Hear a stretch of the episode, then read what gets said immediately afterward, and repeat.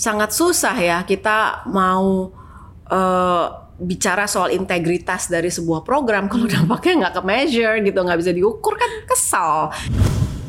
Hai sahabat Iksa, selamat datang kembali di Iksa Podcast. Saya dengan Naomi and hari ini masih sama Ibu Veronica Kolondam. Ibu Veronica tadi kita ya. sempat bicara tentang transparansi, akuntabilitas dan sustainability. Ya. Kenapa itu penting untuk mm. yayasan atau sebuah organisasi. Mm. Nah, kita yang lebih mau mendalamin uh, tentang Ibu Veronica sendiri yang sudah mm. melakukan banyak dampak dan juga banyak memberi.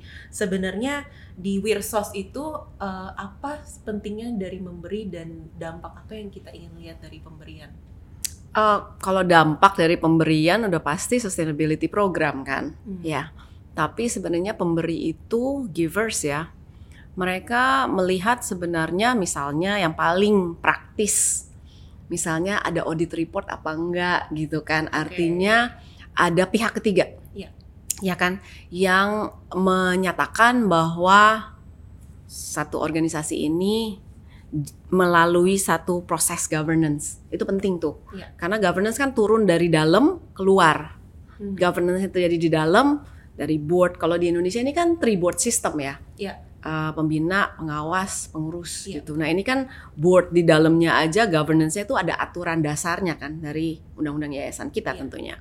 Dan governance dari kita ke pihak luar atau partners atau givers itu juga ada lagi gitu a set of uh, governance. Nah ini yang selalu menjadi uh, checklist dari partners. Yeah. Definitely audit report lalu uh, mereka biasanya ngelihat bukan cuma setahun tapi bisa tiga tahun sebelumnya yeah. dia iya. ngelihat konsistensi gitu dan juga ngelihat dari dampak yang memang kalau kita sih dampak ini dampak yang orang yang kita layani ya hmm. dampak istilahnya ya im, uh, social impactnya yeah.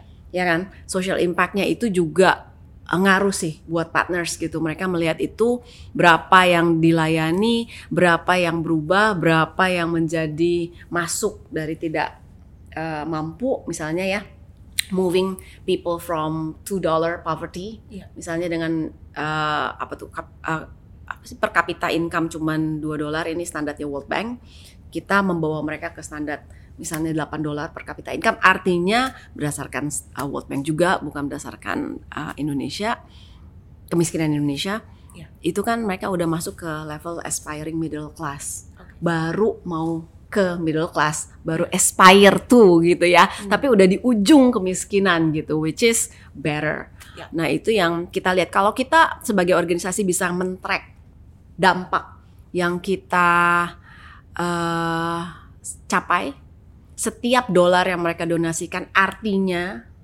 misalnya kita bisa ya, Bu, ya. itu jelas kan? Ya, kita bisa punya model bisa punya formula bisa punya matematik karena jelas dari bisnis prosesnya how we do the business trackability ya, ya kan? Measure measurability. Nah itu semua tuh take into the account gitu.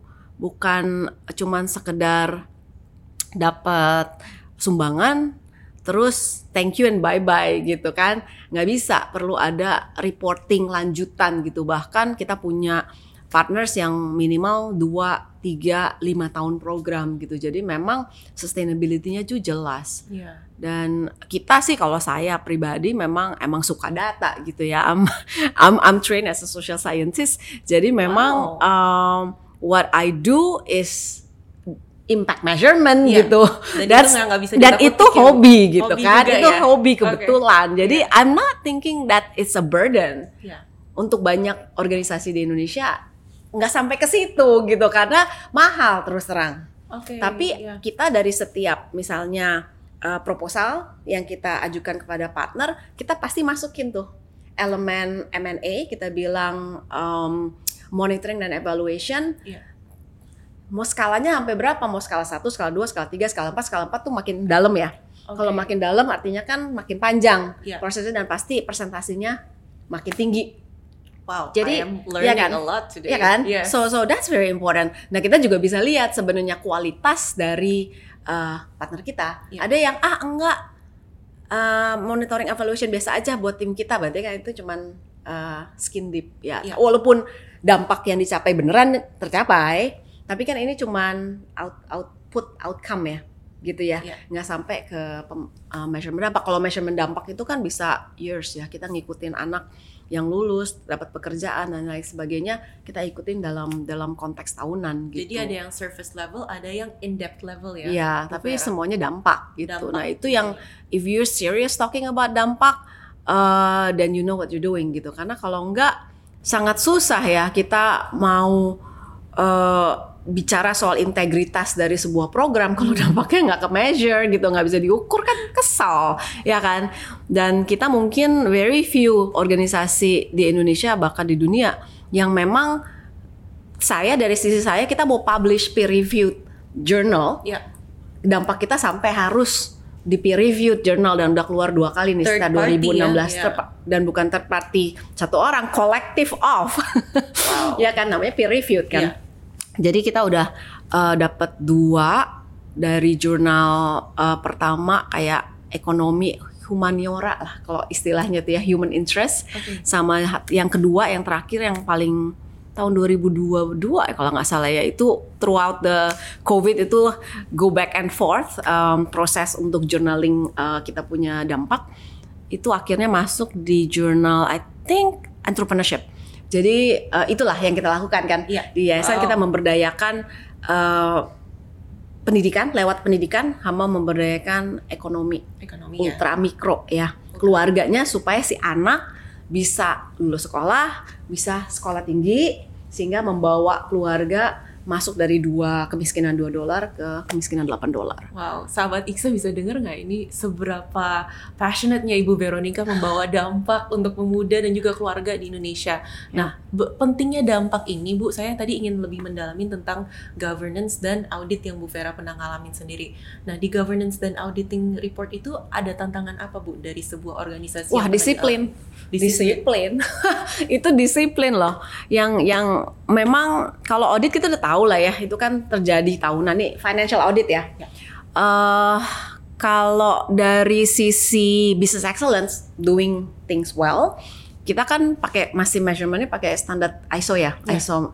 Nah, it was 2008. Eh, was it 8? Eh, nggak deh, nggak selama itu. Mungkin 2000, ih udah lupa, pokoknya lama deh. Saya kepengen, oh yeah, it actually maybe that long ago. 2008, 2009 mulai berpikir tuh, kalau kita bilang kita bagus, menurut siapa gitu kan? menurut lo? Apa menurut orang lain? Menurut ini pribadi, kan, itu ya kan? Nah kita going through the entire auditing itu pendisiplinan the way you do your work Hmm. ke tim dan itu kita perlu persiapan nih belum audit ya Iya. persiapannya aja dua tahun Wow. dibenerin sistemnya ini ono disiplin harus mesti ada trail of unfortunately paper trail tapi sekarang udah digitalisasi lah ya Iya. Paper trail dulu ISO kita dapat yang pertama kali non profit sampai orang ISO-nya auditornya bingung aku ngapain sih yayasan? Kepengen ikut ISO ya kepengen aja gitu. Karena I have to be verified Iya. by people outside of us supaya nggak jadi kodok dari bawah tempurung gitu kan ya. Eh, bahwa kalau kita belum merasa baik kok kata lo gitu kan. Kata orang kan nggak tentu. So we went through the whole transformation of the way we do our work gitu cuman supaya bisa diaudit.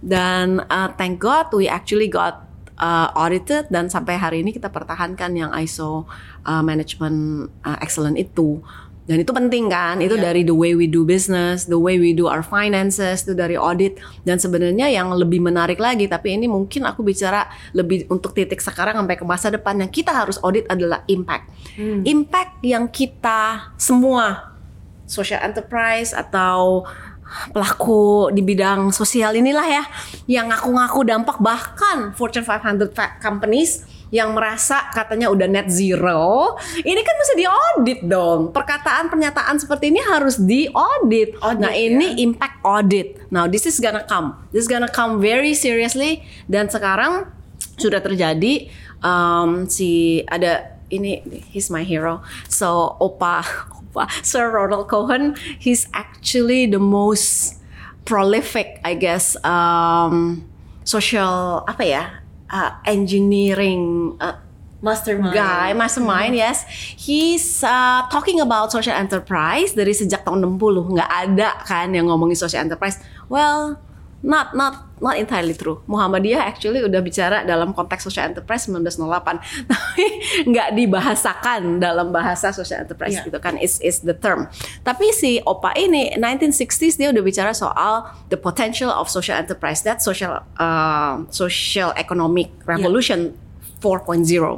Uh, nah itu yang yang yang buat banyak negara ya. Baru mahamin Indonesia mungkin waktu kita bicara soal social enterprise aku baru ikut program social enterprise aja di INSEAD 2008 gitu. Wow teng gitu kan. Yayasan kita berdiri tahun 99 kita dirikan juga beberapa perusahaan. Iya. berpikir kalau gue nyari duit di sini kita kita lempar aja profitnya untuk kegiatan sosial. Kan udah berpikir dalam sustainability uh, tapi kan there's no word for us there's no term dan 2008 pas aku uh, ikut program di INSEAD, I was like, oh my god, there is a, a, a word for us, which is social enterprise, kewirausahaan sosial itu kan.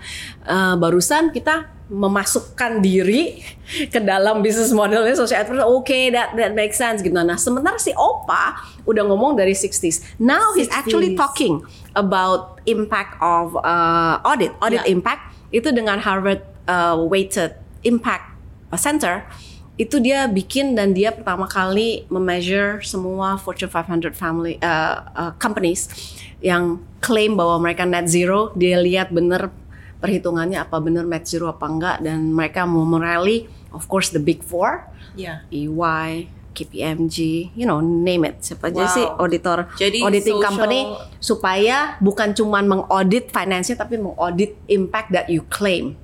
Iya. Audit im- impact audit sama social entrepreneurship, social enterprise. Nah, kita juga lebih mau tahu sebenarnya uh, mendalamin tentang IKSA. Uh, we are not an auditing firm. Kita bukan or- organisasi yang mengaudit organisasi lain, tapi we're gonna find out what IKSA actually does and how we can do it together di episode selanjutnya. Stay tuned sahabat IKSA. Jangan lupa untuk like, comment, and subscribe. Yay.